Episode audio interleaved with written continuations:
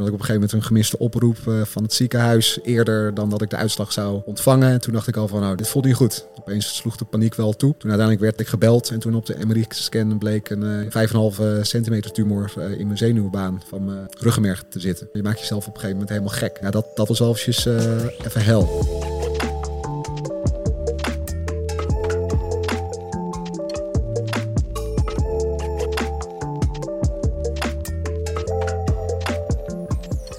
Welkom bij aflevering 35 van Barberio Podcast. Top dat je weer kijkt of luistert. Vandaag heb ik in de studio Wouter Smit, beter bekend als uh, Woetroe.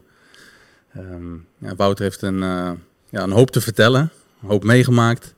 En ik denk vooral dingen waar de luisteraar of kijker uh, ja, behoorlijk wat aan kan hebben. Op het gebied van mindset, mentaal sterk zijn, ja, onzekerheden overwinnen. En ja, om daar maar gelijk te beginnen is, uh, nou in ieder geval welkom. Dankjewel. Top dat je kan zijn. Leuk dat ik er ben. en ja, hè, zoals uh, veel, veel jongens wel in hun uh, jeugd hebben ervaren, is bepaalde onzekerheid. En ja, die uiteindelijk proberen dan te verbloemen of te verhelpen. Of in ieder geval zorgen dat dat minder is. Um, ja, en jij hebt dat overwonnen uiteindelijk. onzekerheden en hoe heb je dat uiteindelijk gedaan? Om gelijk maar te starten bij het begin in ieder geval het begin waar ik uh, wil inhaken. Ja, uh, ik denk dat ik ongeveer tot mijn uh, ja, zestiende wel een beetje onzeker was.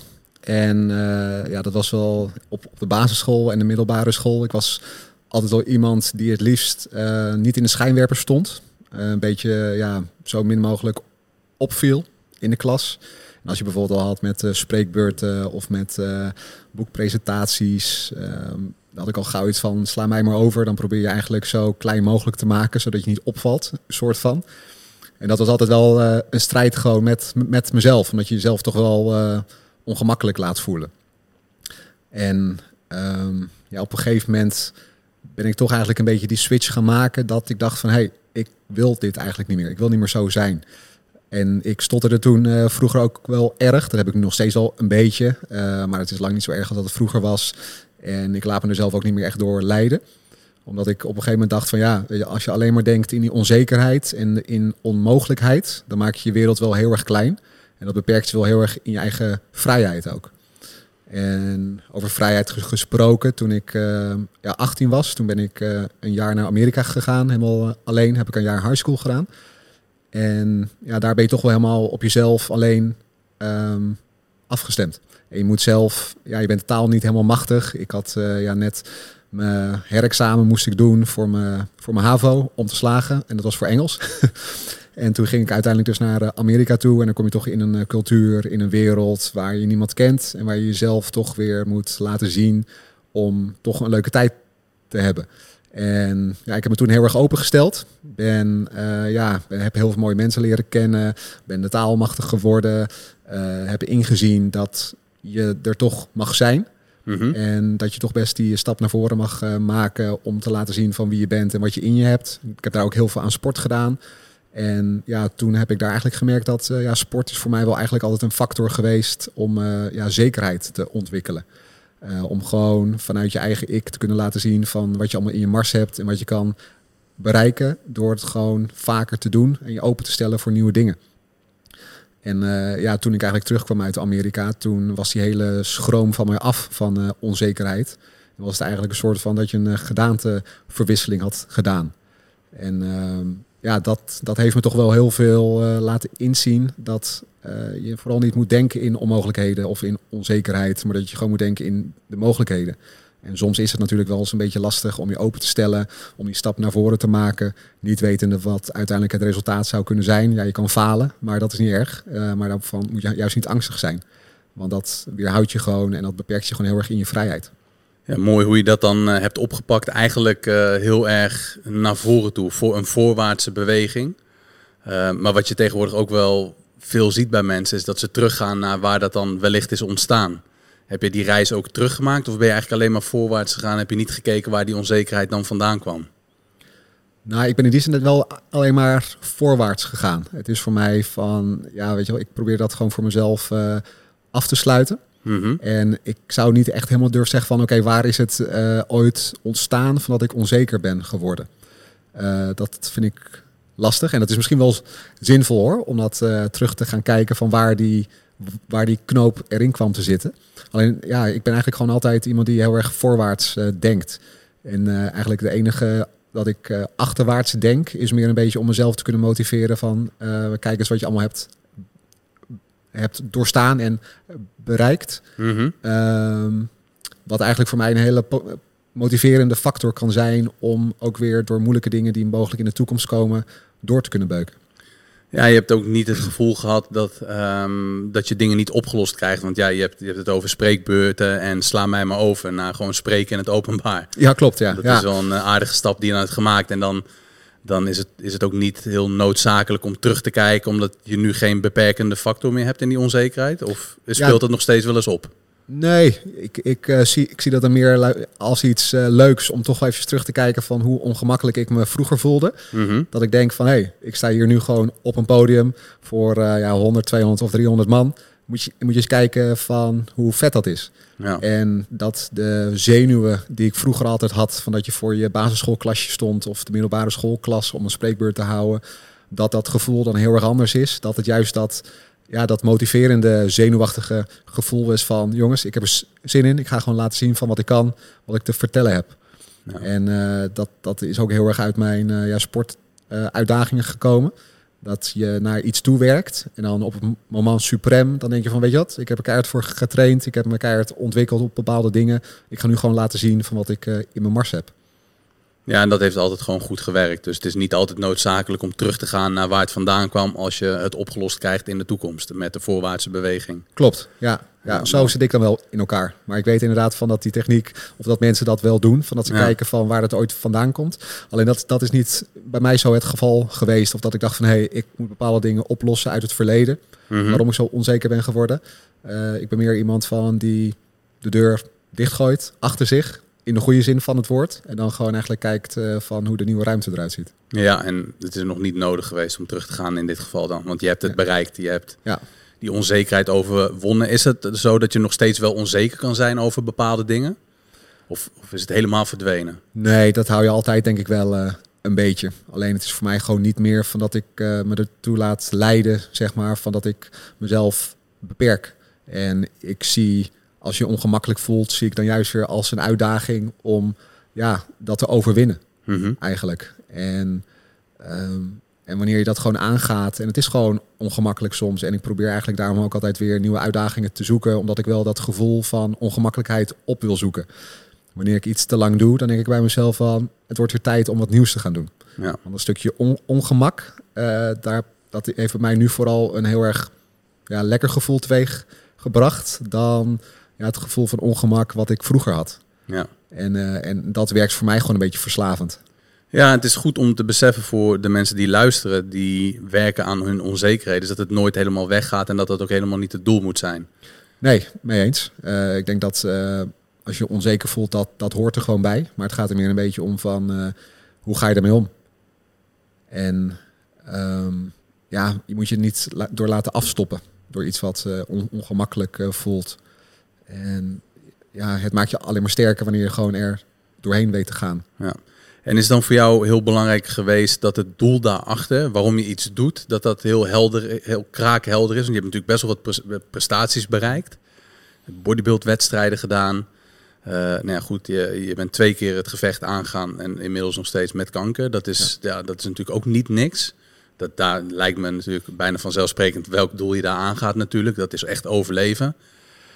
Ehm, maar is dat dan ook heel belangrijk om, ehm, ja, om een onzekerheid of iets te overwinnen? Eh, Dat ja, als je een gevecht aangaat, dat je weet waarvoor je het doet. Vind ik wel, ja.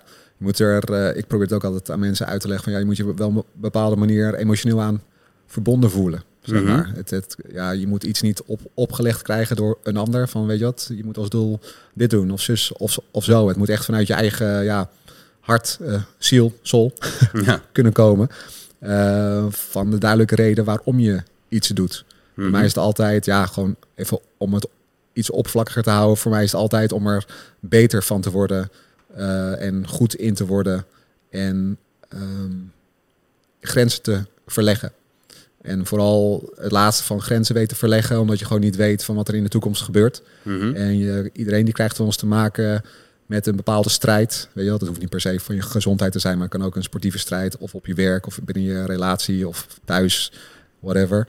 Uh, maar het is altijd goed om jezelf te sterker te maken om grenzen te kunnen, uh, om over grenzen heen te kunnen gaan omdat die uitdagingen in het leven sowieso gaan komen. Zeker, ja. En dan kan je er beter maar voor zorgen van dat je zelf bepaalde uitdagingen aangaat. Dan dat je gewoon gaat afwachten tot een uitdaging naar jou toe komt. Ja. En dat is hetzelfde als dat je naar de sportschool toe gaat om sterker te worden. Zo zie ik het ook met uh, ja, het overwinnen van uh, tegenslagen of het aangaan van uitdagingen. Om jezelf gewoon weerbaarder en sterker te maken voor het geval dat iets op je pad komt wat je eigenlijk niet wenst. Ja, ja mooi verwoord. Um, ja, zo, zo langzaam een beetje die, die weg naar die, die wedstrijden. Toch uh, uh, las ik iets over jouw vader en, en dat hij meer een Bourgondier was. was. Ja. Uh, jij bent daarin dan, ja, denk ik, een beetje tegenovergesteld. Je bent heel erg bezig met leefstijl en fitness. In hoeverre heeft dat dan invloed op jou dat je je daarvan losrukt om je eigen pad of plan te volgen? Want dat, dat zullen mensen ook wel ervaren van nou, dingen die je van huis uit meekrijgt, die neem je toch in het, in het leven mee. Um, totdat je daar bewust van bent, van denk, hé, hey, ik wil een andere weg inslaan. Is daar, is daar nog ook een uh, werk aan de winkel, of is het eigenlijk heel organisch gegaan dat je daarvan uh, ja, hebt losgetrokken dat dat niet jouw pad zou worden?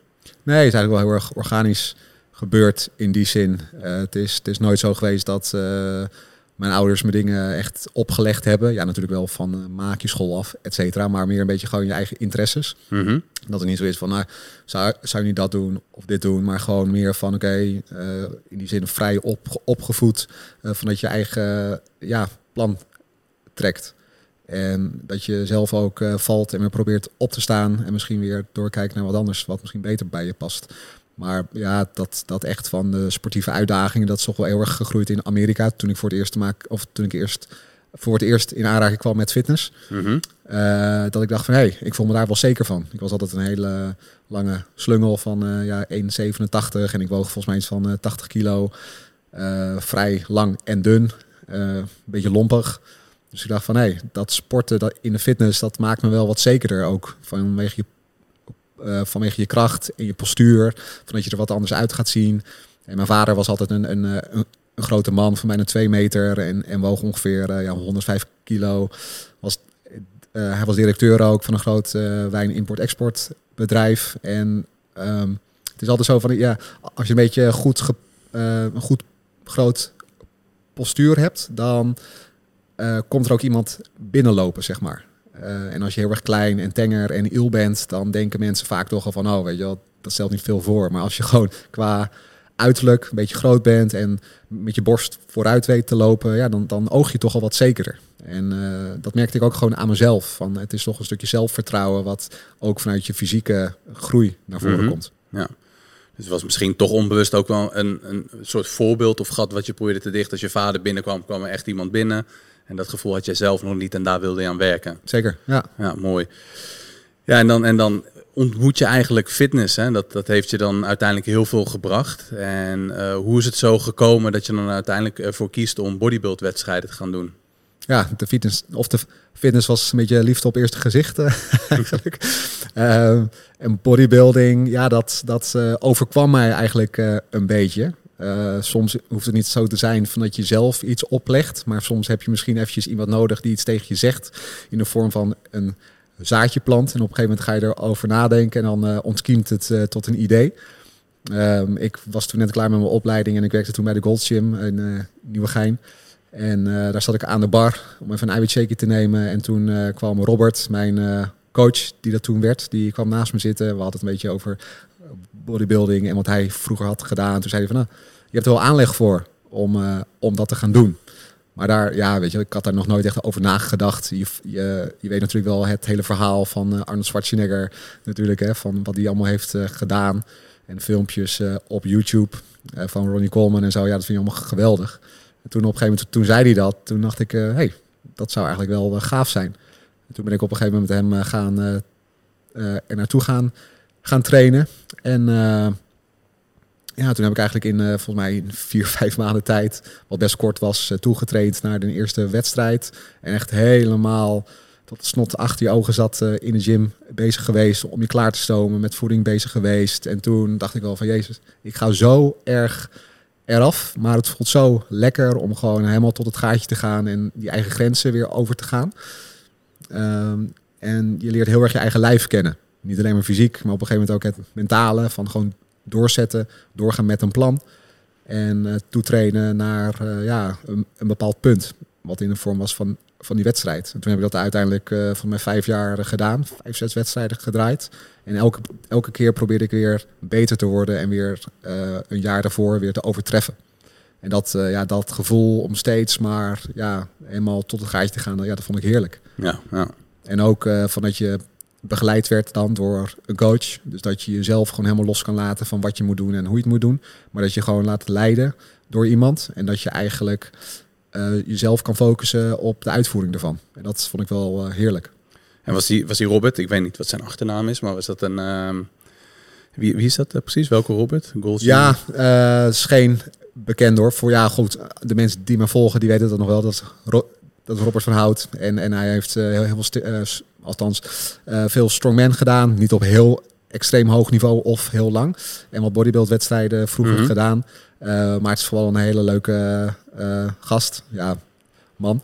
En ja, daar heb ik veel van geleerd. En met name ook gewoon om gewoon echt door te zetten. Mm En dat je soms denkt bij bepaalde oefeningen, bij het aantal sets van uh, ik kan niet meer, maar dat hij dan toch zegt je gaat door. Ja, ja, dat je dan toch eigenlijk die grenzen opzoekt, eroverheen gaat en dan de volgende keer weer denkt van nou, het gaat nu al makkelijker dan dat het de vorige keer ging. Want hoe oud was je toen, uh, toen je bij Gold Gym werkte en in aanraking kwam met, uh, met bodybuilding? Uh, denk 24, 25 zoiets. Ja, dat is ook wel een mooie leeftijd. En dat je dan ook misschien wel een soort van rolmodel hebt op bepaalde opzichten waar je ja, misschien wel tegenop kijkt of waar je veel van kan leren. Ja, zeker, zeker.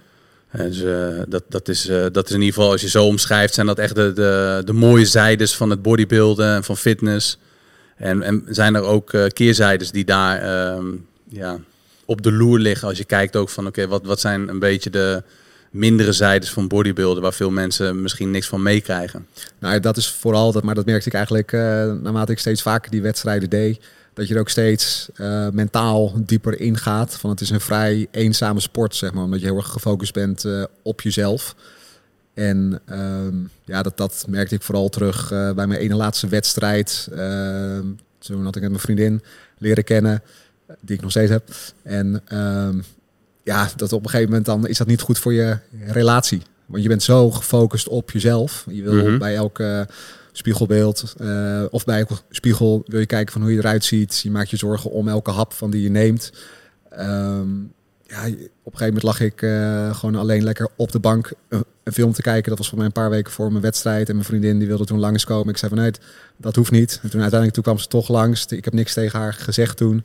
En toen uiteindelijk toen ging ze maar uh, ja, emotioneel weg uh, van mijn huis weer terug naar haar huis. Terwijl het eigenlijk gewoon heel erg lief was van dat ze naar me toe kwam.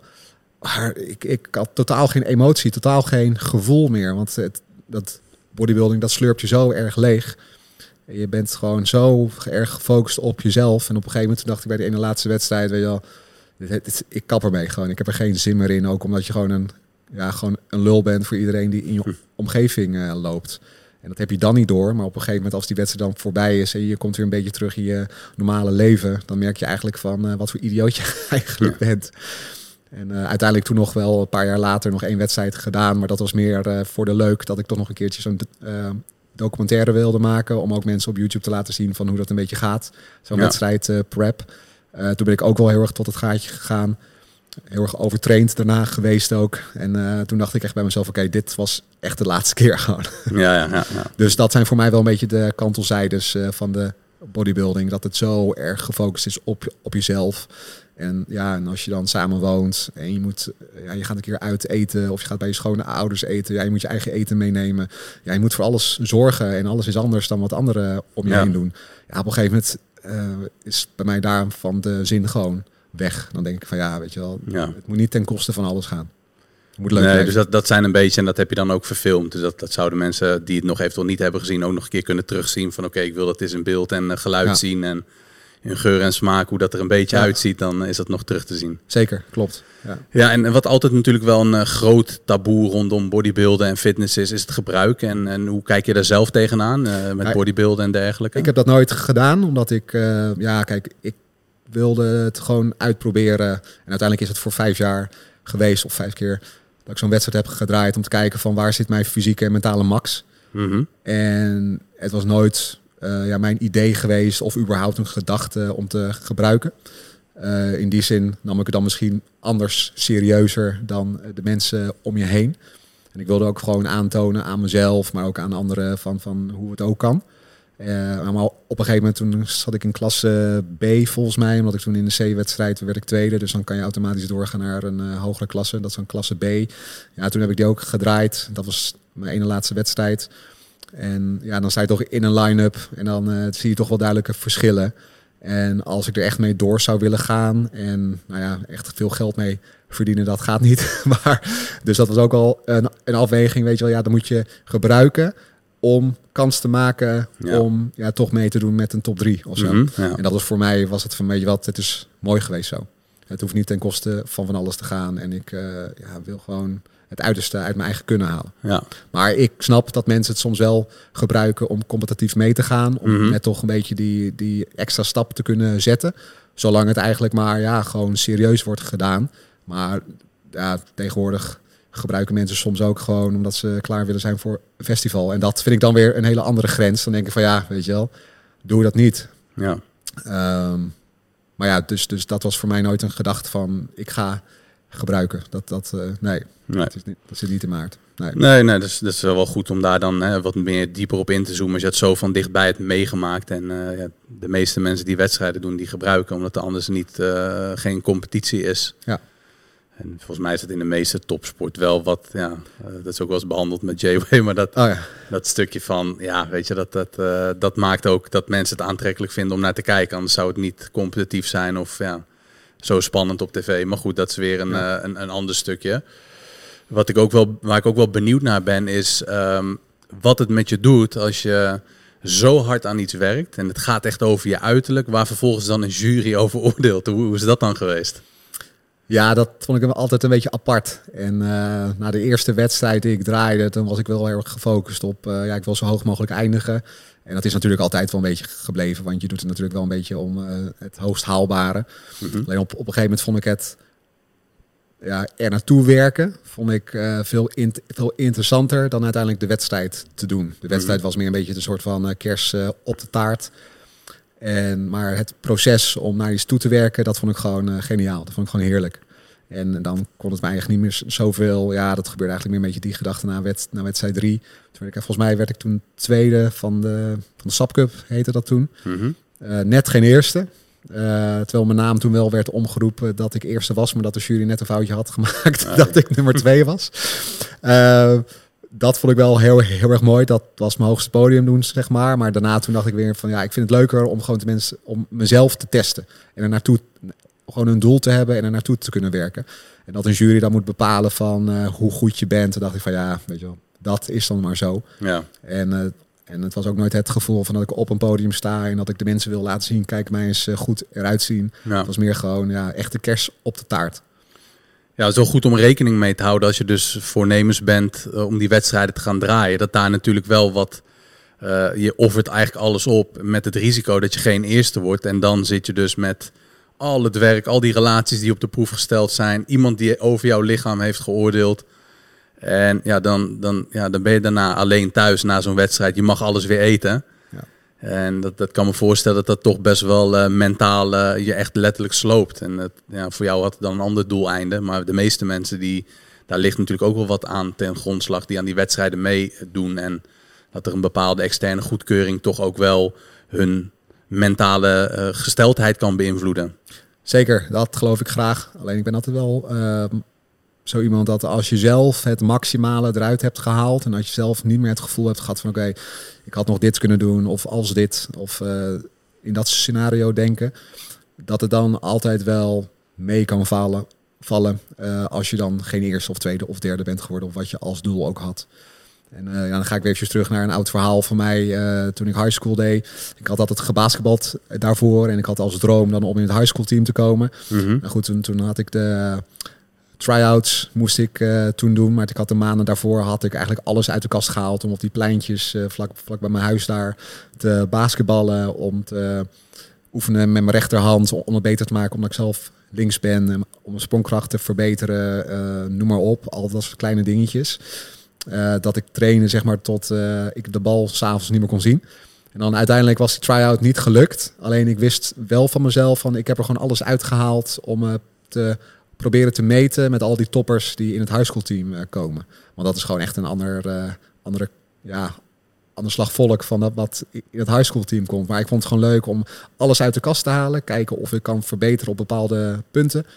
Uh, toen heb ik ook alles eruit gehaald in die tryouts. Uiteindelijk niet gelukt, maar ik kon wel tegen mezelf zeggen van ik heb er alles uitgehaald, dus het maakt niet uit. En uh, ja, toen ben ik uiteindelijk verder gegaan met wedstrijd zwemmen, wat weer wat anders was. Dus dat, ja. ja je vindt steeds weer nieuwe uitdagingen. Ja, en belangrijk wat je dan benoemt is, als je er alles aan hebt gedaan, kun je het ook makkelijker naast je neerleggen en accepteren dat het dan niet is gelukt. Ja, klopt, klopt. Dus ik, ik wil zelf ook nou denken in het scenario van, uh, als ik dit nou had gedaan, dan. Ja, wel, ja als, als, als. Je moet gewoon je stinkende best doen altijd. Ja, dat heb je dus ontwikkeld uh, in die periode dat je naar Amerika bent gegaan. Ja. Daar is echt het grootste... Oorsprong eigenlijk. Ja, ja, grootste vandaan gekomen. Ja, mooi. En natuurlijk waar je ook misschien wel uh, naamsbekendheid door hebt gekregen, waar veel mensen jou van kennen. Inmiddels is het wel anders natuurlijk ook door je vriendschap met Joel Beukers. Uh, hoe is dat zo ontstaan? Die vriendschap? Ja, of, uh, ja de vriendschap, ja. In de sportschool. Vanzelfsprekend. Waar anders? Ja. nee, ik, ik, ik, kwam toen net terug van Amerika. Toen werd ik lid van een sportschooltje bij ons in het dorp in, in Laren klein sportschooltje naar uh, trainde hij toen ook. En uh, Maurice, misschien kennen sommigen die ook wel. Uh, Boom wordt ja. ook al genoemd.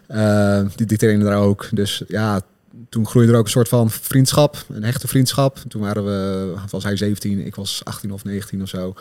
Ja, en toen ging je eigenlijk langzaam met, met elkaar om, met, met elkaar naar de sportschool, naar feestjes, op stap. En ja, zo groeit een vriendschap eigenlijk tot de dag van vandaag gemeenschappelijke interesse. Jullie zijn volgens mij ook even oud ongeveer. Ja, ongeveer. Hij is anderhalf jaar jonger dan ik. Jij bent hoe oud nu? 36. 36, ja, ik ook, ja. Ja, dus zo is dat ontstaan. En, uh, en hoe lang is dat geleden ongeveer, inmiddels? Uh, kleine 20 jaar. Zo, zeg ja. al een, uh, een hele tijd dat jullie ja, dus ook al lang naar de sportschool gaan. Zeker. Een hele, ja, hoe zeg het ook, veel is er veranderd natuurlijk ook. Uh, wat ik wel grappig vond, dat besef had ik in één keer, is natuurlijk dat jullie allebei een totaal andere wereld laten zien. Hij laat natuurlijk veel auto's, het succes zien en jij laat iets zien wat natuurlijk wel door ja, merg en been gaat. Het, het is de, de meest uh, heftige zijde die je kan laten zien. Jij vecht tegen een ongelofelijke strijd, waar ik zo natuurlijk wel nog even op, op wil terugkomen. Uh, maar ja, hoe, hoe, zie jij dat? Hè? Dat hij natuurlijk heel erg de, de successen laat zien. En de, jullie hebben allebei natuurlijk wel gewoon vooruit. Niet te veel klagen over het verleden, maar focus op de toekomst. Daar heb je invloed op. Maar je laat natuurlijk wel een andere zijde zien. En uh, ja, hoe is dat dan voor jou als jij dat, dat zo ziet? En wat jij dan zelf met jouw volgers inmiddels, die echt veel meer zelfstandig jouw pagina weten te vinden. Uh, de, ja, de verschillen heel erg daarin. Nee, ja, kijk, het succes van hem, dat vind ik gewoon mooi. Ook omdat ik natuurlijk weet van waar het vandaan komt en hoe het is ontstaan. En, en kijk, wij kennen elkaar al voor zijn succes. Dus, mm -hmm. dus weet je, je, ziet alles van hoe dat is gegroeid. En dat vind ik alleen maar mooi. En, en uh, natuurlijk alle, alle, alle complimenten daarvoor. En um, um, ja, en, maar ik vind het ook gewoon leuk om, om uh, ja, mijn eigen ja, leven wil ik niet zeggen, want ik ben geen dagelijkse vlogger, zeg maar. Maar gewoon om, om ook mensen mee te nemen in mijn verhaal. Mm -hmm. En uh, op een gegeven moment komt er op je pad een bepaald verhaal. En dat heb je zelf dan uh, geen invloed op. En zeker niet bij mijn uh, verhaal. En dan denk je van ja, wat zal ik met de mensen erin meenemen? Van hoe ik met bepaalde dingen omga. En, en wat ik er probeer uit te halen. En ja, dan op een gegeven moment dan bouw je toch een beetje je eigen verhaal om je eigen naam heen. En dat vind ik gewoon heel erg fijn. Niet dat je ja, wordt gezien als de jongen die als een soort van sidekicks, zeg maar, is van Joel. Uh, en dat is natuurlijk wel de oorsprong geweest van dat ik volgers erbij kreeg. En dat is ook natuurlijk leuk dat, dat mensen je zagen en geïnteresseerd waren in, in wat je doet en, en wie je bent. Alleen nu bouw ik toch uh, ja, een beetje om mijn eigen verhaal heen, toch mijn eigen volgerskring. Mm -hmm. Die mensen die het gewoon in, interessant vinden om naast het fysieke ook wat meer te weten over het uh, mentale. En hoe je om met negativiteit of met negatieve uh, gebeurtenissen kan omgaan. En hoe je je mindset nog wat meer kan versterken. Dus, dus daar bouw ik nu eigenlijk een beetje meer mijn verhaal uh, op. En uh, ja, ik ben wel van mening dat je gewoon ja, je eigen authentieke ik moet laten ontstaan. wat echt ja, vanuit je eigen gevoel en emotie komt. Hetzelfde als bepaalde doelen van die je stelt. Maar dat je ook wel echt daadwerkelijk jezelf echt laat zien. En hoe je met bepaalde dingen omgaat. En dat is denk ik ook wel de, de kracht van dat mensen ook wel zien van, oh, dit, dit is echt iemand van vlees en bloed en niet iemand die alleen voor de camera's een beetje leuk doet of zo. Ja, want is dat dan ook uh, de reden waarom het zo belangrijk is om je meest authentieke versie van jezelf te laten zien?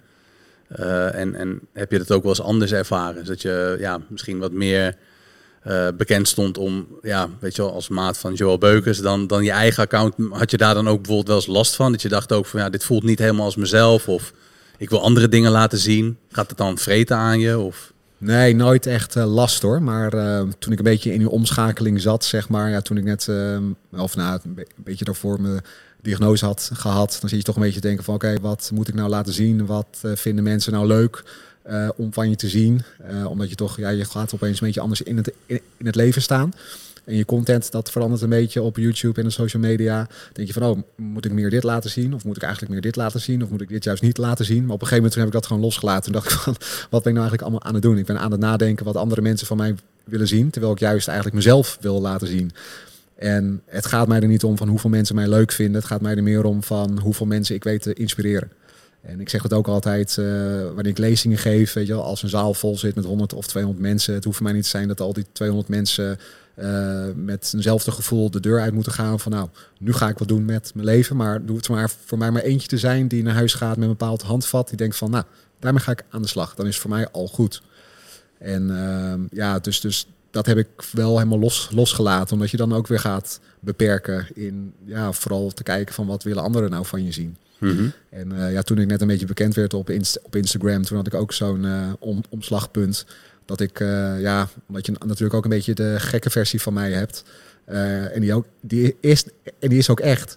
Alleen om dat allemaal uh, aan publiek te laten zien, dan denk je van, dan gaat het niet te ver. Wat vindt, wat vindt mijn werk ervan? Of wat vinden mensen ervan die mij uh, ook weer in een andere rol zien in het leven? Toen op een gegeven moment dacht ik van, zijn we daar nou allemaal over aan het nadenken? We posten gewoon, of ik post gewoon van wat ik wil. En ik doe het gewoon vanuit mijn eigen wil en mijn eigen mm -hmm. intentie. En dan kan het nooit goed of fout zijn. Dat is denk ik het belangrijkste dan. Hè? Dat je probeert ja. los te laten wat anderen van je vinden. En kijken van oké, okay, waar voel ik me goed bij. Ja. Uh, en ook weer die reden daarachter. Heb je dan ook nagedacht over van oké, okay, waarom post ik op Instagram? Is dat dan ook een uh, belangrijk uh, ja, item geweest dan in dat stuk? Om dus te blijven posten van überhaupt waarom posten. Er zit natuurlijk een doel achter. Is dat dan heel belangrijk om dat helder te hebben? Want er zijn natuurlijk heel veel mensen die posten, maar het doel daarachter is misschien dan niet helemaal duidelijk. Van oké, waarom post ik? Die periode heb ik ook wel eens gehad. Dat je eigenlijk uh, puur alleen maar voor dat algoritme bezig bent. Van ja, als ik niet post, dan gaat mijn account eraan. Dus ik moet wel posten. Maar ik was niet echt bezig met van oké, wat voelt nu echt goed? Of wat moet ik nu, waarom doe ik dit eigenlijk? Wat wil ik hiermee bereiken? Ja, zo'n periode die heb ik ook wel gehad van dat ik echt te veel ging nadenken. Oké, ik moet iets posten, want ik moet frequent posten, eens in de zoveel of uh, een paar keer per week. Maar op een gegeven moment toen dacht ik van ja, ik doe het nu als een soort van verplichting. Dus de kwaliteit van de post, dat is gewoon minder. Kijk, ik ben ook niet zo iemand die uh, even een selfie maakt en die zegt van nou, uh, ik ga nu een lekkere kop koffie pakken, weet je wel. Ja, van die mensen die heb je ook. En, ja. en, en, ik, en, en, ik heb meer liever dan een paar kwalitatieve posts dan heel veel kwantitatieve posts. Ja. En uh, nou, ik, ik zit voor mij nu ook gewoon in een fase van ik gewoon druk ben met van alles van wat ik wil doen. En ook een beetje met mijn eigen, uh, om zelf weer gewoon lekker topfit te krijgen. En als ik dan iets heb waarvan ik denk van nou, dat is interessant om te posten. Of iets naar aanleiding van mijn boek. Of, of iets wat in mijn hoofd speelt. Van nou, daar weet ik misschien wel wat mensen mee te, mee te inspireren ja, dan gooi ik het gewoon online. Dan denk ik van ja, dit is misschien wel zinvol voor mensen om ja, van mij te kunnen leren of aan te kunnen nemen of erover gaan nadenken. Ja. Ja, en je zei ook eerder in een andere podcast dat uh, als mensen jou een berichtje sturen, dat je het ook fijn vindt om daar gewoon op te reageren. Dat dat voor jou de normaalste zaak is. Dus dat... Ja, uh, dat probeer ik eigenlijk altijd wel te doen. Ja, er ja. zullen wel eens DM's zijn die ik uh, niet heb beantwoord. Dat, dat kan in de vergetelheid zijn gekomen. Maar het is altijd mijn intentie om wel een, ant een antwoord te geven ja, dan, dan wel op een beetje vragen waarvan ik denk van nou, dat is een zinvolle vraag. Niet uh, vragen van uh, hoe gaat het vandaag met je? Weet je wel, ja, Ja, ja, ja. we moeten wel een beetje dieper ingaan, zeg maar. Ja, precies. Nee, maar goed, dat is wel natuurlijk ook... je- Voor jou zit er een bepaald doel achter. Je wilt inspireren, gaf je aan. Eh, mensen leren hoe ze mentaal sterk kunnen zijn... en door openheid van zaken te geven. Klopt. Het, eh, ja, je hebt natuurlijk ook een gezin. En hou je dan ook rekening mee... want je hebt twee kids, hè, als ik het goed begrijp. En, en een partner al eh, een tijd. Ja. Eh, hou je daar dan ook rekening mee met wat je bijvoorbeeld deelt eh, voor de toekomst? Of is dat iets waar je heel bewust mee bezig bent? Of ja, voelt dit gewoon nu vooral heel goed wat je doet? Ehm, Ja, het voelt nu gewoon goed van wat ik doe. Kijk, ik, ik, ja, weet je wel, ik, ik ben niet zo iemand die iedere dag zijn kinderen laat zien op social media. Dat, dat hoeft mij niet per se allemaal. En ik had wel eens een periode van dat ik ook allerlei, allerlei dingen liet zien van wat ik dagelijks doe. Maar op een gegeven moment dacht ik van ja, is het nou zo, in, zo interessant? En doe ik het eigenlijk alleen maar om iets te posten, om even te laten zien van hé, hey, ik ben er nog. ja, ja, ja. Eh, dus nu is het veel al meer een beetje eh, wanneer ik train, wat ik doe. Eh, als ik een bepaald nieuw doel aanga, van dat ik mensen mee wil nemen in die reis. Maar niet per se meer van, nou, ik ben nu, ik ben nu lekker thuis en ik eh, ben een spelletje aan het spelen met mijn kind of zo, weet je wel. Ja, Ja. Dat, dat, dat hoeft voor mij niet per se meer. Het is meer een beetje van, eh, ja, gewoon informatief wil ik zijn.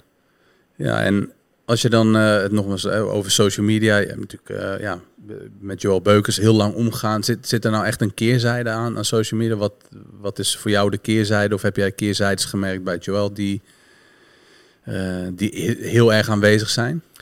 Nee, niet eigenlijk. Ik heb eigenlijk, moet je eerlijk zeggen, ik heb alleen maar leuke dingen in meegemaakt. Eh, dat was toen volgens mij, toen, net een, eh, of toen was ik net een jaartje aan, het groeien op eh, Instagram. Toen waren we op eh, festival Open Air voor de eerste keer. Een festival gepakt toen, net na de groei op, op Instagram.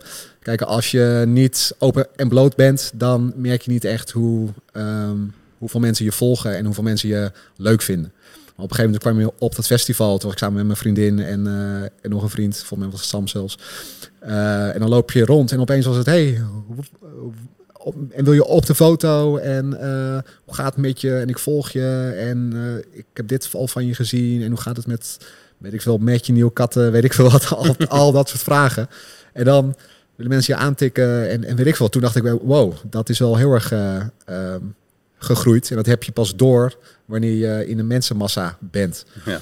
Zoals nu, ik ben nu al eh, vier jaar niet meer naar een festival geweest. Dat was ook door corona. Nou goed, toen had ik eh, te maken met mijn eigen gezondheid. Dat je dan toch niet eh, op dat soort grote evenementen bent. Ehm, dus dan heb je dat niet meer zo heel erg door. Van, ja, ik vind het een beetje een stom woord, maar hoe populair je bent.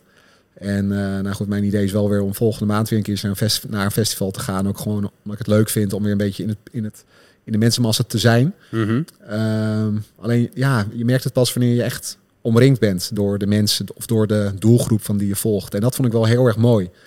En eh, dat mensen eigenlijk naar je toe komen alsof ze je al jaren kennen, terwijl jij hun niet kent. Ja, ja. Dus dat vond ik wel apart, maar wel heel erg leuk. En ehm, in die zin zijn we ook wel heel erg, of we, ik ben ook wel heel erg toegankelijk.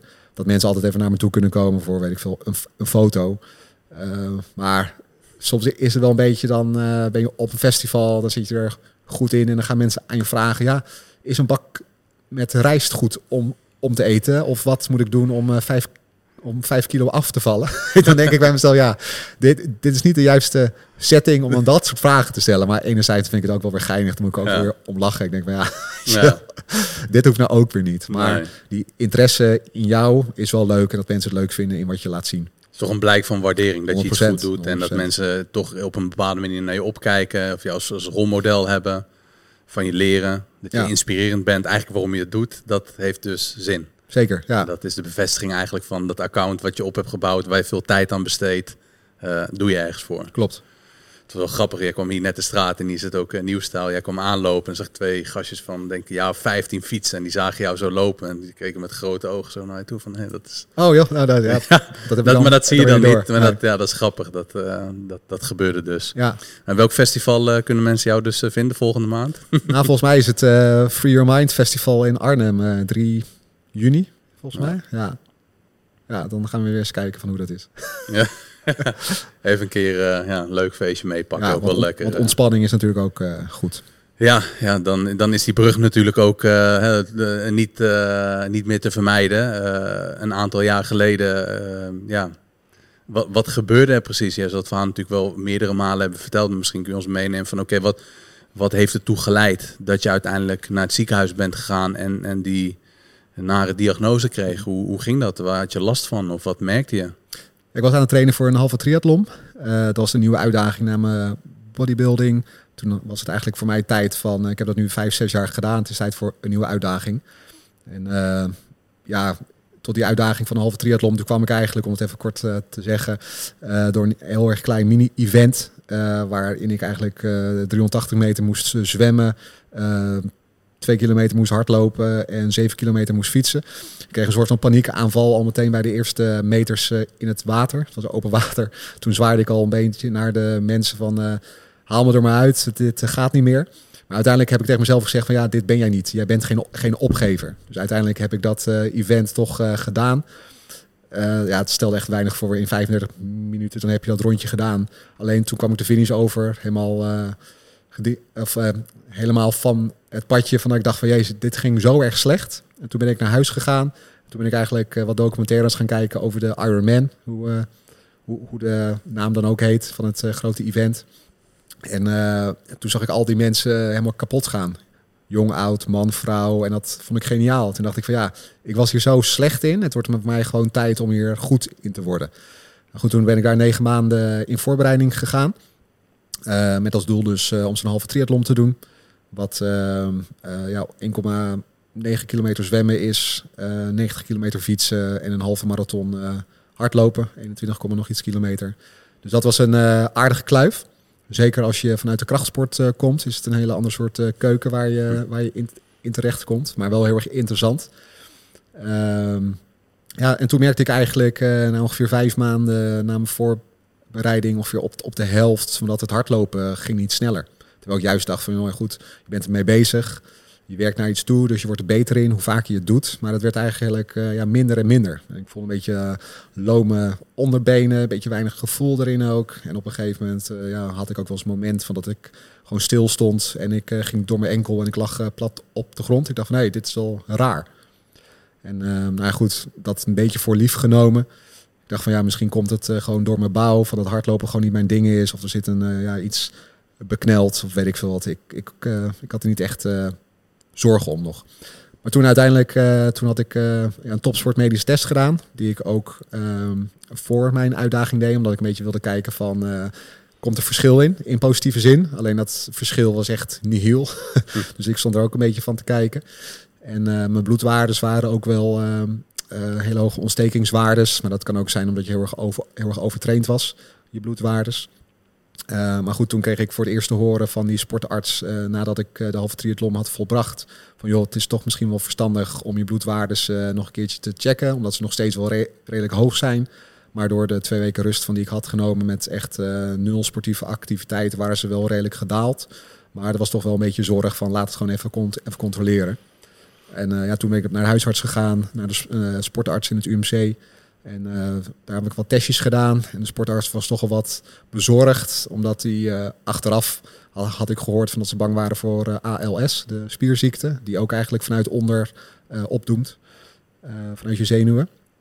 Ehm, en uiteindelijk ja, door de hele medische molen gegaan in het UMC met een neuroloog die allerlei testjes heeft gedaan voor de, de, de activiteit te meten van je, van je zenuwen, van je spieren. ja, heel veel uh, buisjes bloed af moeten geven op van alles en nog wat.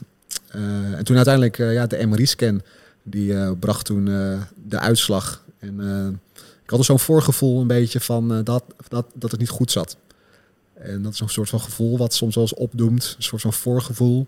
Toen had ik op een gegeven moment een gemiste oproep van het ziekenhuis. Eerder dan dat ik de uitslag zou ontvangen. En toen dacht ik al van nou, dit, dit voelt niet goed. Opeens sloeg de paniek wel toe. Toen uiteindelijk werd, werd ik gebeld en toen op de MRI-scan bleek een, uh, ja, een 5,5 centimeter tumor uh, in mijn zenuwbaan van mijn uh, ruggenmerg te zitten. Zo. En het effect van wat je dan krijgt is eigenlijk, hoe ik het altijd uitleg, van een tuinslang waar water doorstroomt en je knelt de tuinslang af en dan drupt er eigenlijk nog maar een beetje water doorheen. En zo werkte dat eigenlijk ook een beetje met de uitval van mijn onderbenen. door je zenuwstelsel uh, van het informatiestroom niet meer goed geleid wordt. Omdat er gewoon een soort van kink in de kabel zit. En ja, toen na twee maanden is die toen operatief verwijderd, 7,5 uur lang, de hele tumor verwijderd. En ja, zes bouten in, in mijn rug, in mijn ruggenwervel. maar goed, het was een hele erge klap van toen ik dat telefoontje kreeg. En mijn vriendin was toen voor de eerste keer ook hoogzwanger. Dus het is een uh, periode van dat je echt in een hele hoge up zit, maar je krijgt te maken met een hele ja, lage down. En het vertrouwen van wat je in je lijf eigenlijk altijd had opgebouwd, dat stukje zelfverzekerdheid waar je zo lang over had gedaan, ja, dat vertrouwen in je eigen lijf was echt uh, boem, gewoon weg. En uh, ja, op een gegeven moment kom je echt in zo'n negatieve spiraal van dat je allerlei dingen gaat, gaat opzoeken op internet ook, van wat je levensverwachting is of, of uh, hoe oud je ermee kan worden. Uh, wat eraan gedaan kan worden, weet ik veel wat allemaal. Je maakt jezelf op een gegeven moment helemaal gek. En uh, ja, dat, dat was uh, even hel op dat moment. Want wat, wat doe je dan? Je krijgt zoiets te horen en kijk, je bent natuurlijk echt gewoon geconditioneerd om elke tegenslag en elke uitdaging ja, met motivatie op te pakken. Maar wat, wat, was, ja, wat gaat er dan door je heen? Ja, op een gegeven moment eh, kreeg die uitslag uh, op een vrijdag. En uh, ja, toen was het nog heel erg onzeker, omdat ze de maandag na het weekend uh, nog een verdere MRI-scan wilden maken van mijn hele, hele rug. En, en ja, later ook van mijn hersenen. Dus, dus als we het over hersenen hebben, dan word ik al een beetje angstig. Mm -hmm. om te kijken van of er meer zat. Dus dat hele weekend was voor mij echt ja, heel erg stressvol en deprimerend ook. En ik heb me echt nog nooit zo gevoeld, alsof je echt in een hele donkere tunnel zit waar je maar niet uitkomt. En het enige waar ik aan dacht van, uh, oh, ik word niet oud, ik krijg mijn kind niet te, niet te zien of hoe, of hoe ze ouder wordt. Ik zie haar niet opgroeien. En uh, nou, uiteindelijk was maandag bleek het dan van dat er ja, nog een heel klein ander eh, vlekje onder de 5,5 centimeter tumor zat. En dat was voor mij eigenlijk een, ja, op zich wel een ehm, moment van dat ik dacht van, oh, het valt mee in die zin. Want ik had meer het gevoel van, het zit overal. Ja, ja, En ik voelde ook overal pijntjes en je maakt jezelf natuurlijk helemaal gek. Als jij uh, denkt van er loopt er meer over me heen, dan heb je ook overal jeuk. Nou ja, goed, zo werkt dat bij mij ook een beetje. En dat was voor mij eigenlijk het moment uh, na dat weekend van dat ik dacht van nou, het valt soort van mee.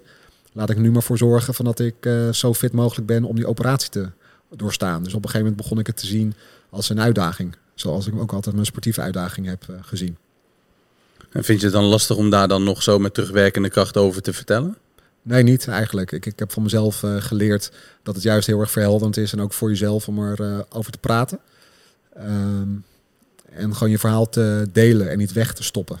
En uh, ook niet doen alsof er niks zit of is. maar ja, het, er mag best wat zijn, maar praat erover. Maar probeer er wel iets mee te doen. En op een gegeven moment ben ik ook gaan nadenken van ja, je kan wel zitten in een donker hoekje gaan zitten afwe gaan afwachten tot er een betere tijd komt.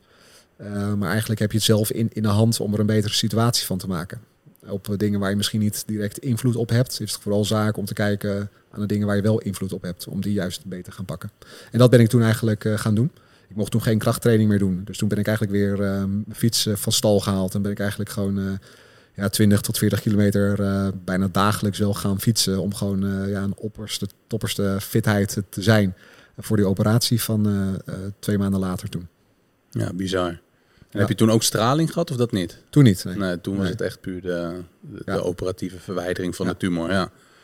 En is, is na dat, die periode, is, is je leven eigenlijk nooit meer hetzelfde geweest? Kijk je dan echt elke dag heel anders naar, naar ehm, ja, hoe je opstaat, hoe je naar bed gaat, waar je je druk over maakt? Ja, dat laatste wel zeker, van waar je zorgen over kan maken. En uh, ja, ik, ik, werk zelf als uh, vestigingsmanager ook van een, uh, van een grote sportschool. En daar heb je natuurlijk ook allemaal te maken met uh, allemaal mensen.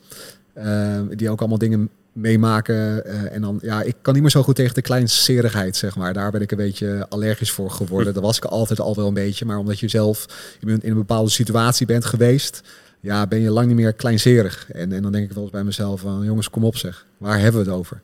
Denk ik dan. De, maar de, ja, daar ben ik dan zelf wel een beetje extreem in geworden. Mm -hmm. Alleen ik ben ook wel weer iemand geworden die wel heel erg veel waardering uh, uh, heeft voor de normaalste zaak van de wereld. Van dat je opeens weer gewoon uit, gewoon uit je bed kan stappen en kan lopen en kan sporten en je ding kan doen. En achter je kindje aan kan rennen en mm -hmm. mee kan lachen. dat soort kleine dingen, dat hebben wel meer mijn waardering gekregen dan dat ik eerst had. Omdat je Ja. sommige dingen maar voor lief neemt. Ja. Eh, terwijl het niet altijd zo is. Ehm, ja, waar ik toch wel benieuwd naar ben, eh, als zo'n diagnose komt, wordt dan nog de herkomst achterhaald? Want het was een, eh, een zeldzame tumor die je had. Ja. Ehm, wordt, wordt daar nog onderzoek naar gedaan? Heb je, heb je zelf misschien een idee daarbij? Wat, want het is natuurlijk altijd een beetje wat, ehm, ja, vanuit de spirituele kant, eh, weet je, dat heb je misschien ook wel eens voorbij. Dus ik ben benieuwd hoe jij daarnaar kijkt. Want jij kan er natuurlijk over meepraten. Mensen ah, als je niet doet wat je moet doen of je levenspad niet volgt, of voor mijn gevoel zat je wel aardig gewoon op iets te doen wat, wat jouw levenspad was, ja, dan klopt het leven bij je op de deur. Eh, hoe- kijk je tegen zo'n uitspraak aan? Want dat, ik kan me voorstellen dat dingen eh, die dan over ziek worden, dat dat bij jou wat gevoeliger ligt. Eh, of dat je je misschien daar wel in herkent. Hoe sta jij daarin? Ja, de oorsprong eh, van die tumor, ja, dat is ook gewoon pech. Ehm, daar komen ze ook nog wel misschien op. Maar toen ik het eh, voor, voor de tweede keer weer die diagnose had, eh, toen zei mijn eh behandeld chirurg, zei, zei toen ja, je hebt een soort van aanleg voor. Het is een hele zeldzame soort van tumor die dan wel weer bij jongvolwassenen voor kan komen. Ja, of het iets met te maken heeft met je DNA of, of je genen. Ja, dat durven ze nog niet echt te zeggen. Daar is nog niet echt veel duidelijk over. Maar het is ook gewoon ja, een soort van pech. Gewoon ja, het, het, het overkomt eh één op de zoveel, zoveel mensen. Mhm. En eh, ja, ik ben, ik ben wel eens gevoelig geweest ook over wat andere mensen zeggen. Van ja, je moet, eh, misschien moet je een bepaald dieet volgen. of eh, ehm, ja, dat was met name over voedingspatronen. Nou goed, ik ben daar wel eens wat documentaires over gaan kijken. Ook over die eh Dr. Burg ehm, is een bekende die heel veel over voeding en kanker Mhm. spreekt. Alleen ja, op een gegeven moment, ik, ik heb dat ook gedaan van intermittent fasting en, en zo, gewoon om, om te kijken van wat het doet. maar op een gegeven moment denk ik van ja, dan ga je weer allerlei dingen opzoeken en je heel erg bezighouden met die ziekte, dat, dat het eh, weer een enorme rol gaat spelen in je leven.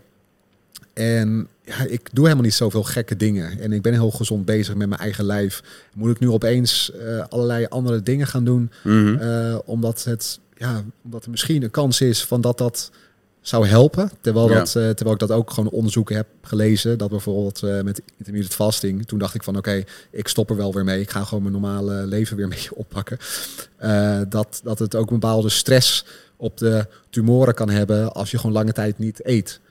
Ehm, dan toen dacht ik weer van ja, weet je wel, er is zoveel onderzoek naar gedaan. De ene keer positief, de andere keer negatief, maar er is gewoon geen duidelijk beeld op wat er nou echt invloed op kan hebben. Ja, wie, wie ben ik dan om me vast te houden aan één ding? Terwijl ik eigenlijk gewoon moet, voor moet zorgen van dat ik mentaal en fysiek gewoon zo sterk mogelijk ben om in wat voor vorm dan ook een tegenslag te moeten eh, doorstaan.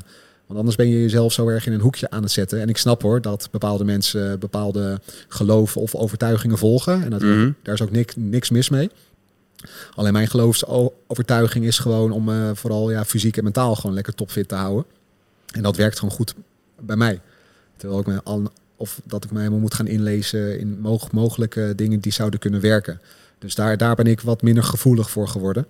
Eh, omdat me, ja, het, het, eh, het voelde niet lekker bij mezelf. Ja, ja. Nee, maar wel goed om, om van jou te horen hoe je dan tegen kijkt. Want je, er wordt heel veel ja, besproken op, eh, op bepaalde gebieden. Voeding, levenspad volgen en dat soort dingen. En, en, en even mogelijk ziek worden. Ja, dat dat invloed op elkaar heeft. En ja, ik, kan me, ja, ik kan me het niet voorstellen. Maar eh, weet je wel, ik, ja, ehm, ja, het zou me niet verbazen als dat een bepaalde gevoelens bij jou losmaakt. Je denkt van ja, maar wat... Ja, wat weet jij er nu van? Of, of ik zie het niet zo, of misschien ook weer wel. Ik was gewoon even benieuwd naar hoe jouw visie daarin... eh, Ja, nou kijk, ik, ja. ik, ik heb toen ook die boeken van eh, Joe Dispenza gelezen. Dat vond ik wel gewoon heel erg eh, mooi om te lezen. Eh, van het placebo-effect. Ehm, onder andere eh, vond ik wel heel erg interessant dat het eigenlijk vooral dat je eigenlijk heel erg moet uitgaan van je eigen kracht ook en de manier Ja. van hoe jij denkt. Eh, kijk, en dat is natuurlijk wel algemeen bekend van als je in een stressvolle situatie zit en je, je laat je leiden door dat, dat- je ook minder gaat sporten, je vindt jezelf minder terug in de sociale kring. Ja, op een gegeven moment dan Ja. werkt het ook mentaal, maar ook fysiek. Je wordt minder fit, je wordt minder gezond, je bent je weerbaarheid wordt een stuk minder. Je bent wat toegankelijk eh, om ziek te worden. Ja, je komt in een hele negatieve spiraal. En ik zie dan ook vooral heel erg van, ja, als je er gewoon voor zorgt Vanuit je lekker in, lekker in je vel zit, lekker naar buiten toe gaat. Je doet wat leuke dingen met vrienden of met je gezin. Dat dat ook wel weer een hele positieve werking heeft op je eigen gemoedstoestand. En uiteindelijk ook op je herstel of het aan kunnen gaan van uh, tegenslagen. Ja. Ja, dus je hebt voor jou een manier gevonden die voor jou werkt. Waar jij in de meest sterke versie van jezelf wordt getransformeerd. En wat, wat dan voor jou ook vol te houden is. En ja, waar je achter staat. En zo ga je die strijd aan. Ja. Zoals je het eigenlijk altijd hebt gedaan. 100%. Gewoon uitgaan van je eigen kracht. En dan krijg ook best, best vaak nog wel eens eh, DM's van... joh, ik zag een YouTube-video over voeding en kanker, dit en dat. En, uh, en dan denk ik bij mezelf, ja, dat hoeft van mij niet. Ik, ik, uh, ik trek mijn eigen plan. En, uh, of er moet echt iets op mijn pad komen wat echt bewezen is wat helpt. Ja, mm. dan sta ik er wel open voor. Maar als het bepaalde dingen zijn die ja, wetenschappelijk niet duidelijk zijn onderbouwd... of daadwerkelijk werken, ja, waarom zou ik daar dan alle energie in zeker bij mezelf, terwijl ik eigenlijk gewoon lekker bezig ben nu. En ik voel me nu ook gewoon topfit en eigenlijk ja. fitter dan ooit. ja, nee, dat, ja, dat is denk ik het belangrijkste iets wat je hebt gevonden en je was er al mee bezig. Heb je voor je gevoel uh, lang fysieke of, of, mentale signalen genegeerd, omdat je mindset zo sterk is, je bent geen opgever? Waren dingen dat je dacht van, oh, dit, dit had ik misschien wel eerder uh, uh, gevoeld? Of ja, ik weet niet, waar, of andere dingen die meespeelden. Het je zware mentale belasting die, ja, ik weet niet, signalen die je dan uiteindelijk misschien nu niet meer zo snel zou negeren? Naar aanleiding van die diagnoses? Nou, ook met die uh, halve triathlon toen je, oh, dat, ja. dat je zegt over, nou, ik zakte door mijn benen. Maar eigenlijk heb je daar dan, ja, was dat niet voor jou een reden om dan te zeggen van, oh, dit, dit volgens mij klopt dit niet? Of... Nee, omdat ik heel erg gefocust was met mijn ene doel, zeg maar. Ja, en ik dacht van, nou, dat komt later wel. Mm -hmm. Maar later bleek dus uh, dit er te zitten. Toen dacht ik bij mezelf van ja, ja uh, maar goed, ja, om dan terug te denken van ja, dan had ik het anders moeten doen. Dat zit ook niet meer niet in mij. Nee, precies. Uh, maar ik ben, ik ben er nu wel uh, wat alerter op, zeg maar. Als ik iets, iets merk, van dat ik het signaal dan wel uh, geef uh, aan, aan de arts van check het eventjes. Ja. en enerzijds is het ook wel, wel weer lastig, want mensen in zijn algemeenheid denken dan ook wel weer zo van ja, ik heb ergens last van, maar het zal wel meevallen. Ik wacht er wel mee. Ja. Dat je heel erg zag in die coronaperiode dat heel veel dingen werden uitgesteld of dat mensen minder naar de huisarts gingen. En ja, toen bleek inderdaad wel meer. Nou ja, goed, om een soort van voorbeeld te geven dat de diagnose van kanker toen een stuk minder was. Maar na de coronaperiode dat mensen toch wat meer weer naar het ziekenhuis gingen, dat het weer steeg. Ja. Dus, dus ja, het is ook een soort van, uh, je moet ook weer niet bang zijn om gewoon e-, even te laten checken van hoe iets is. Nee. En dat heb ik nog steeds wel eens hoor. Van als ik, als ik denk van nou, ik voel een pijntje hier of een pijntje daar. Maar dat zit meer een beetje rondom uh, um, onderzoeken van die ik dan weer heb. Dan begint de, de, de zorg toch weer een beetje toe, toe te nemen. Dan ga je toch weer pijntjes voelen. Dan denk je van, zou het daar zitten of zou het daar ja. zitten? Maar goed, weet je wel, als, er, als je iets voelt of je voelt je ongemak bij iets van, laat het gewoon controleren. Ja, dat, dat kan nooit kwaad. Dat kan nooit kwaad. Nee. Nee, in plaats van dat je er over vijf jaar achter komt en dan uh, ja, kan iets te laat zijn of is het dan nog moeilijk. Ja, ja, want zo, zo ook dus die tweede keer, uh, dat is nu denk ik een klein jaartje terug, dat, dat die ja, tweede diagnose. Vorige ja. zomer, af, afgelopen zomer. Ja. ja. Dat die diagnose weer is gesteld, dit keer wat lager volgens mij, als ik het goed heb begrepen. Ja, in mijn, in mijn staartbeen, een nieuw plekje. Dat, dat kwam eigenlijk ook wel weer heel erg uh, onverwachts, omdat ik eigenlijk naar die uh, afspraak toeliep van, nou, kom maar op, ehm, let's get it over with. En dat ik weer door kan gaan met mijn leven. Alleen ja, toen ging toch weer die telefoon. En uh, ja, op de plek waar geopereerd was, was niks terug te vinden. Uh, dat ene plekje van wat eronder zat, dat, dat was heel lichtjes gegroeid. Maar dat, dat was niet echt zorgwekkend of zo. Maar er was toch weer een nieuw stipje of een nieuw vlekje gevonden bij mijn staartbeen. Die toch ook wel weer een, een groei aangaf.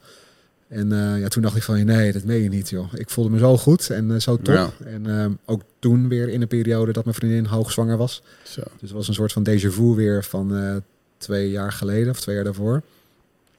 Terwijl ik juist zo lekker in mijn vel zat. En ik dacht van, kom maar op. En dan krijg je toch weer te maken met, met zo'n klap. Alleen dan heb je toch weer een soort van geleerd van twee jaar terug... van hoe je ermee om moet gaan. Natuurlijk ben ik toen ook door een zwart gat gegaan. Maar op een gegeven moment ben ik wel weer gaan nadenken... oké, okay, uh, ik kan wel weer in dat donker hoekje gaan zitten, maar laten we nu maar gewoon kijken van wat we eraan kunnen doen. Mm -hmm. uh, nou nee, niet, niet zozeer aan die tumor, maar meer aan je eigen gemoedstoestand, mentaal en fysiek, om gewoon weer uh, de sterkste versie van jezelf te zijn. En uh, ja, toen werd er een half jaar later, dus in december, werd er nog een extra check gedaan. Om even te kijken van hoe die progressie was. Of er nog meer groei zichtbaar was geworden in de MRI-scans. En toen ook weer een scan van mijn hersenen gemaakt. Dus dat boezemde ook wel weer een beetje angst in. Want daar wil je echt niet van dat het komt natuurlijk. En ja, toen gaf ik wel aan van nou, ik, ik, ik wil er nu wel graag iets aan gedaan laten hebben. En ik hoop eigenlijk weer op een operatie, omdat dat mij goed bevallen was de vorige keer. Want dan is het gewoon eruit gehaald. Alleen omdat het nu op een tweede plekje zit. En ja, door de operatie kan je rug nog instabieler worden. En ja, zeker op zo'n jonge leeftijd als ik nog, dan wil je dat eigenlijk niet echt. Dus toen uh, ja, is er uiteindelijk gekozen voor de bestralingsperiode. Die ik uh, eh, 20 maart had ik de laatste.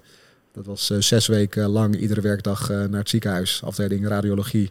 Waar je kindjes en ouderen ziet die ook de ziekte hebben. En ja, dat, dat, dat was wel heel erg, heel erg zwaar. En heel erg confronterend ook. En ja, daar ben ik ook wel echt wel uh, ja, heel goed uh, moe van geworden. Op een gegeven moment heb ik nog wel geprobeerd om uh, door te werken. Toen uiteindelijk 50% doorgewerkt. Uiteindelijk ging de sporten niet meer omdat ik zo moe was. En ja, toen uiteindelijk had mijn ballend arts maar gezegd van... joh, nu wordt het wel tijd om even gas terug te nemen... in je eigen kokon te gaan mhm. zitten. En soms heb je even iemand nodig die jou stuurt. Want ik ben iemand die eigenlijk altijd doorgaat en ook in alles geen opgever wil zijn en ook weer in dit niet. Maar op een gegeven moment werd ik zo moe en zo weinig focus en je hoofd raakt helemaal vol omdat je ja, in een leidinggevende functie hebt op je werk. En je probeert eigenlijk in de 50% van die je werkt, probeert toch 100% werk te doen. Uh, ja, dat gaat niet meer. Ja. Dus toen uiteindelijk ben ik uh, ja, toen drie, vier weken gewoon echt helemaal op de bank gekluisterd geweest, alleen maar tv gekeken. En uh, ja, dat was wel eventjes een zware periode. Mhm. En toen uiteindelijk weer de draad weer opgepakt. En eigenlijk weer ook daarin weer mijn uitdaging gevonden om weer ja, topfit te kunnen worden. Ja, want dan, dan ga je dus iets doen wat je nog niet eerder hebt gedaan. Echt even gas terugnemen. Ja, klopt. Ja, ja. was natuurlijk met, met die operatie van 2,5 jaar terug ook zo. Maar dat moest toen wel. En uiteindelijk moest dit ook wel. Alleen ik had er wel een beetje hulp bij nodig dat iemand tegen mij zei van stop maar. Want de normale mens die dit aangaat, die die is zes weken lang al gewoon eh, thuis en die focust zich een beetje op zichzelf. Mm Alleen ja, dat vind ik soms wel moeilijk om dat bij mezelf, ehm, om bij mezelf die keuze te maken. Om echt even rust te nemen, gas terug te nemen. Ja. Maar was noodzakelijk, ja. Zeker. Ja, ja, heel, heel ja, het, lijkt me een hele heftige periode. Ik denk dat weinig mensen het zich kunnen voorstellen, maar wel toch door ja, jouw verhaal daar ja, hopelijk dat ze het nooit meemaken van dichtbij of zelf, maar toch een ander inzicht in krijgen. En je hebt natuurlijk het boek Kapot uh, Sterk geschreven toen de eerste fase van kanker uh, was aangebroken en hoe je daarmee om bent gegaan. En deel 2 komt half juni uit, het boek Mentaal Sterk. En dat, dat gaat echt meer over mindset. Het eerste boek was meer over hoe je jezelf ja, presenteerde aan de wereld. En nu presenteer je eigenlijk je mindset aan de wereld en hoe je dan uh, hoe mensen zich daarin dan ehm, ja, de mindset kunnen trainen of met tegenslagen omgaan. Ja, klopt, klopt.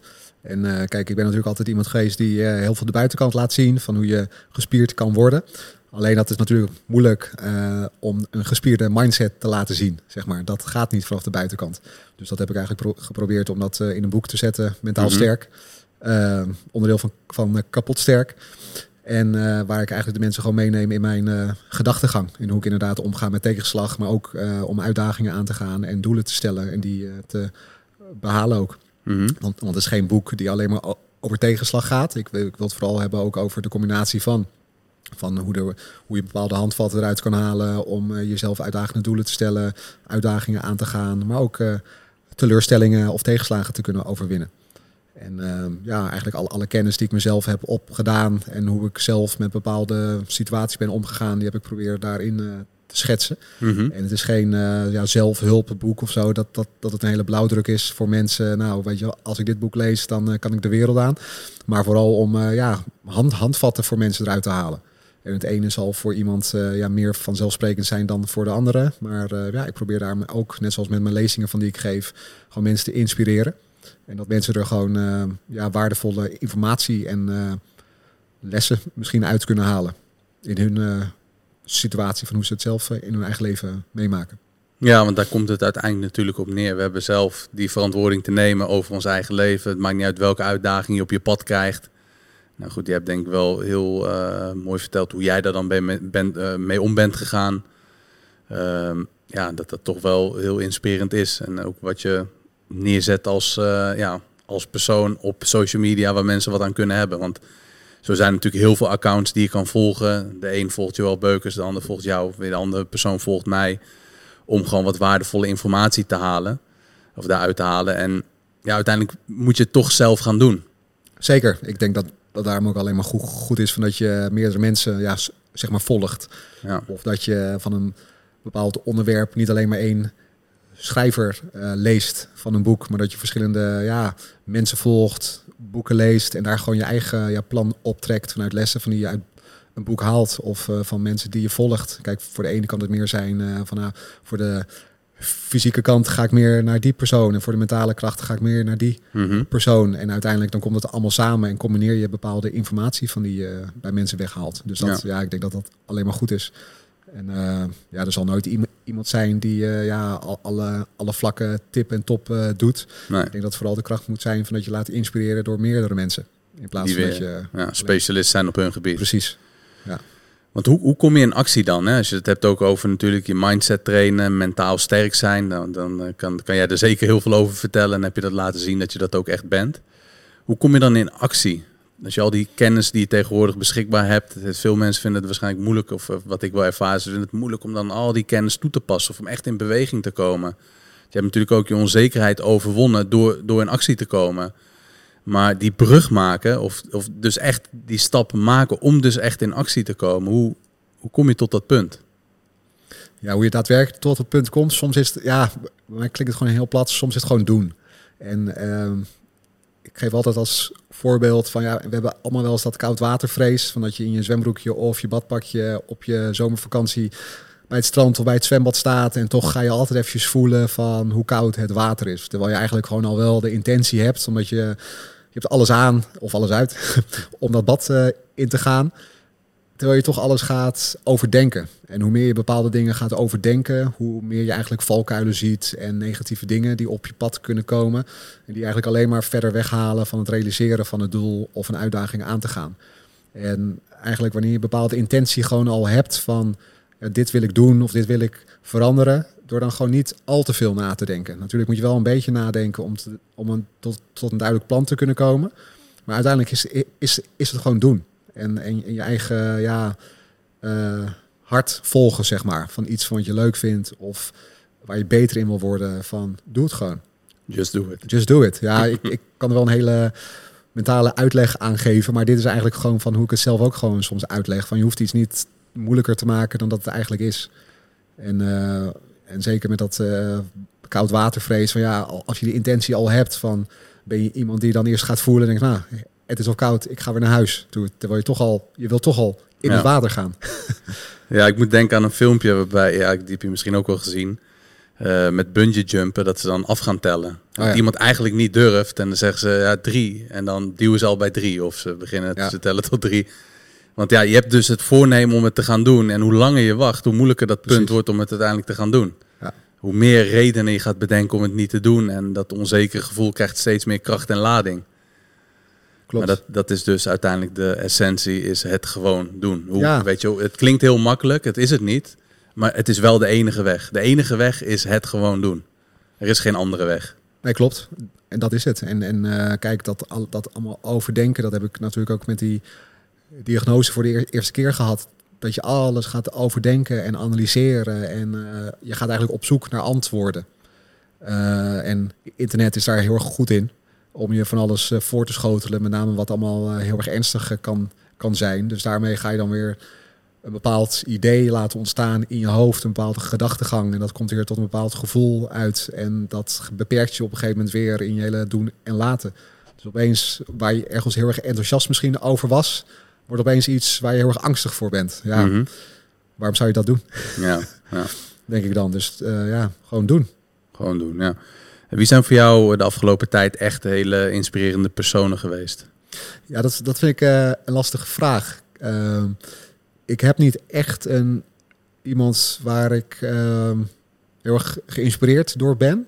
Dat, dat, dat klinkt misschien heel erg gek. En mensen vragen dat wel eens aan. Maar kijk, Vroeger was het altijd met Arnold Schwarzenegger. Daar keek je dan tegenop. Als Mhm. boeken gelezen, kijken van hoe die bepaalde dingen heeft gedaan. Met het trainen, et cetera, et cetera. Alleen op dit moment, ehm, ik kijk vooral naar mezelf. Van wat ik de afgelopen periodes heb doorgemaakt en heb overwonnen. En daar haal ik zelf gewoon heel veel eh, vertrouwen en motivatie en doorzettingsvermogen ook, eh, ook uit. Om ook nu weer een toekomstig iets eh, te kunnen verslaan. Ja. En kijk, ik, ik heb allerlei boeken gelezen ook, maar het is dan niet op zich dat ik heel erg geïnspireerd ben geraakt van die, van die persoon of van die schrijver of van iemand van die ik volg. Ehm, sommige dingen vind ik gewoon interessant om te horen. Ja, ik heb geen, spe geen, spe geen specifieke namen ook. Het is niet van dat ik, eh, zoals bij voetballers, fan, een groot fan ben van iemand. Ehm, in die zin ben ik hem, ja, dat klinkt misschien raar, een beetje fan van mezelf. En ik probeer eigenlijk gewoon vanuit mijn eigen kracht eh, na te denken. Ja. En ehm, ja, misschien klinkt het raar voor sommige mensen, dat weet ik niet. Mm, Maar voor mij niet. Ik denk dat het is, goed eh, is om, eh, weet je, kijk, er zit ook een bepaalde, ja, hoe zeg je dat, eh, bescheidenheid in, in wat je zegt. Het is niet vanuit een arrogante plek, maar nee, van van, kijk mij. het nee, motiveert je. Het, motiveert ja, mij. Ja, Ja, dat precies. is denk ik belangrijk als je kijkt ook naar, oké, waar dienen rolmodellen voor om je te inspireren en te motiveren. Maar als jij dat dus eh, vanuit de spiegel gewoon prima kan doen en vanuit de plek waar je gisteren stond, ja, dan, dan is dat eigenlijk alleen maar mooi. Ja, Het zeker. werkt voor jou. Het zou anders kunnen zijn hoor, van toen ik, eh, of als ik nog niet te maken had gehad met eh, een ziektebeeld. Want ja, zo word je toch wel heel erg specifiek iemand. eh, die je niet, niet heel veel meer mensen ziet die hetzelfde doormaken als ik. Natuurlijk zijn die er wel, maar dat is niet zo van dat ik die mensen volg of tegen ben gekomen. Maar dat je daarom toch wat, ja, ehm, je maakt andere dingen door in het leven. En dan pluk ik maar eigenlijk de vruchten gewoon van mijn eigen boom. Ja, Eh, in waar ik goed in ben en wat ik heb verslagen. Door dat gewoon als eh, ja, benzine te gebruiken om eh, naar voren Ja. te kunnen bewegen. ja, nee, ja heel mooi. Ik, ik vind dat mooi verwoord. Ik heb, ik heb een geladen vraag op, om, om een beetje mee af te sluiten. Ehm, maar wel interessant. Ik ben benieuwd wat jouw antwoord daar, daarop is. Ben je bang voor de dood of ben je bang om niet te leven? Banger om eh, niet te leven, dan denk ik. En ehm, ik ben natuurlijk zelf in een periode geweest ook, van dat ik mezelf wel een beetje heb opgesloten ook. Eh enerzijds een beetje onbedoeld in het begin nat- natuurlijk, omdat je een beetje je weg moet vinden met het nieuws van wat je hebt eh, gehoord. Eh, maar op een gegeven moment ben ik me wel weer wat meer open gaan stellen. Nog niet tot de persoon die ik was toen drie jaar geleden, zeg maar omdat ik toch wel een beetje meer op mezelf eh, ben aangewezen. En ja, je, bent, je hebt natuurlijk ook een gezin. Dus daar focus je natuurlijk ook meer op met, met het vaderschap. Eh, maar ik probeer nu wel weer wat eh, ja, meer leukere dingen ook te doen. Het stond heel erg in het teken en nog steeds om gewoon zo fit mogelijk te zijn en zo gezond mogelijk te kunnen zijn. Alleen ik merk aan mezelf van ja, een stukje gezondheid, dat, dat wordt ook al- alleen maar beter wanneer je op sociaal vlak ook je ding gewoon doet. Dus dat je, naar, en voor mij dan van dat ik volgende maand weer naar fest, naar, naar, fest, naar festival toe ga. Of dat je met wat vrienden een hapje gaat eten. Of dat je vrienden wat vaker belt. eh, om gewoon lekker een beetje slap te ouwe hoeren. Of samen te gaan sporten. Gewoon dingen samen te doen met mensen waarvan je houdt. En die je leuke mensen vindt om, om, om, om je heen te hebben. Eh, dus dat was, ik was eerst bang voor de dood. Mhm. Omdat ik daar wel op een gegeven moment een beetje mee te maken kreeg. Ja, niet dat het wat ik nu heb heel erg zorgwekkend is van dat ik over een paar jaar dood kan zijn. Maar het is iets van waar ik mee moet leren leven. Dus dan wil ik ook mee leren leven. Maar dan wel op een manier van dat het me niet belemmert. Eh, En dat ik me weer zelf grenzen ga opleggen en ga denken in onmogelijkheden. eh, wat ik in het begin van het verhaal eigenlijk vertelde. Maar dat je toch je, je vrijheid pakt. Ja. En eh, ja, op de dood daar heb je niet echt invloed op. Je hebt alleen maar invloed op eh, wat je in het nu eh, doet. En eh, daar wil ik me vooral heel erg op focussen. Ja, en stel je voor, je zou nu een bericht krijgen van iemand aan, de balie bij, bij Club Pelikaan waar je werkt. Ja. Of, een, of een DM van, van iemand die, die dus eigenlijk, ja, weet je, zegt ja, ja ik, ik zie het echt niet echt zitten of zo. Of je loopt vast of, of iemand die, die volgt niet zijn hart of passie. Wat zou dan een boodschap zijn die je aan die persoon meegeeft? Natuurlijk een heel, heel ruime, ruime vraag, een heel algemene vraag, maar zou er iets zijn wat, wat dan in je opkomt, wat je zegt ook van, nou, ik zou hierop focussen? Nou ja, kijk, dan hebben we het natuurlijk over dat iemand in een negatieve situatie zit. Eh, dan zelf goed om te weten, oké, eh, hoe, hoe komt dat? En, en dan vooral dan na te gaan denken, oké, wat, wat voor positiefs zou ik eruit kunnen halen? En ja, terugkijkend naar mezelf, als je de diagnose hebt gehad eh, van die tumor, toen ben ik eigenlijk gaan nadenken op een gegeven moment, oké, wat kan ik hiervoor iets moois uit, uithalen? Nou goed, toen ben ik op, op een gegeven moment uh, fitness trainer oncologie gaan doen, omdat ik het interessant vond om mensen te helpen die net als ik iets van kanker hadden meegemaakt, weer fit willen worden voor een behandeling of weer fit willen worden na hun behandeling. Nou goed, ik ben mijn boek gaan schrijven, mijn tweede boek gaan schrijven, dat ik mensen wil inspireren. Dus dat zou voor mij dan een hele erg belangrijke tip zijn. Uh, dat je met die mensen gewoon gaat kijken van oké, wat is je situatie nu? Maar wat voor positiefs of moois kan ik eruit halen? Wat jou ook zelf weer kracht en energie kan geven om door te leven. Uh, en dat is iets gewoon wat bij mij heel erg heeft uh, geholpen. En het is soms wel heel erg confronterend om dat te doen. Omdat je eigenlijk liever soms in het hoekje gaat zitten en denkt van laat maar zitten. Beter tijden komen vanzelf wel. Nee, je moet het zelf in de hand nemen en zelf actie on ondernemen. En het is niet zo van dat je alleen maar uh, stappen naar voren hoeft, ho ho dat je alleen maar stappen naar voren hoeft te zetten, maar ook af en toe een stapje zijwaarts om het vanuit een andere hoek te kunnen zien, of een stapje achterwaarts om even een beetje te kijken van oké, okay, wat heb ik nu, wat doe ik nu, wat kan ik beter doen, mm -hmm. vervolgens weer die stap naar voren te kunnen maken. Ja, en, ja dat, dat probeer ik mensen wijs te maken, eigenlijk op een goede manier. ja, dat, ja nou, als je iemand iets wijs wil maken, is dat natuurlijk uh, positief. Weet je? Ja, ja. En, en ja, vanuit een plek ook. Ja, kijk, recht van spreken. Ik denk dat iedereen recht van spreken heeft. Maar wel meer in de zin van ook, ja, als het dan van iemand vandaan komt. Kijk, wat voor een reis je hebt afgelegd. Je hebt een gigantische bak aan ervaring in de gym. Je hebt zelf met onzekerheden te maken gehad die je hebt overwonnen. Uh, je, je, hebt uh, de strijd tegen kanker ben je ja, volle bak aangegaan en, en gaat ook de goede kant op. Want is, betekent dat ook nu na de laatste straling dat je nu schoon bent of gaat er een langere periode overheen nog? Nee, niet. Ik heb over een half jaar nu in september uh, weer een controle, MRI. Dus na een half jaar en dan gaan ze kijken of die bestraling zijn werk heeft, heeft gedaan. Um, en ja, meer van die tumoren die, die zijn niet weg. Het is meer van dat de groei eruit uit wordt gehaald en dat kwaadaardige cellen die je op het blote oog niet ziet ook vernietigd zijn. Dus, dus niet van dat je op een gegeven moment op een andere plek weer wat kan, uh, mm-hmm. kan hebben. En ik hoop gewoon van dat het uh, de groei heeft uh, geremd. En dat het is gestopt. En ja. ja. dan is het ook wel weer elk half jaar of ieder jaar dan weer die controles doen. Wat wel, ja, dat, dat is nu ook gewoon onderdeel van mijn leven geworden. Dus dat accepteer ik dan ook op die manier. Het is wat het is. En ja, gewoon doorgaan. Ja. Je moet het doen met de uitdagingen die je krijgt in het leven. Ja, en daar het beste van maken. En dat is niet altijd makkelijk, maar wel de moeite waard. Zeker, mee eens. Ja, ja, ja. mooi. Ja. Ik denk dat er weinig aan toe te voegen is. Ik denk dat je alles mooi hebt verwoord en dat je ons mee hebt genomen in een uh, ja, mooie reis. Leerzaam, inspirerend, motiverend. Ik denk dat al die, uh, die, die woorden wel uh, in me opkomen nu. En ja, ik wil je heel erg bedanken voor, ja, voor wat je aan de mensen meegeeft. Ja, leuk. En dankjewel ja, voor mijn komst hier. Ja, nou, geen ja. leuk dat je was. Uh, nou goed, uh, ik wil de luisteraars en kijkers ook weer bedanken. Nieuwe luisteraars, volgers. Uh, nou, top dat jullie er geweest zijn. De trouwe luisteraars en kijkers. En tot de volgende.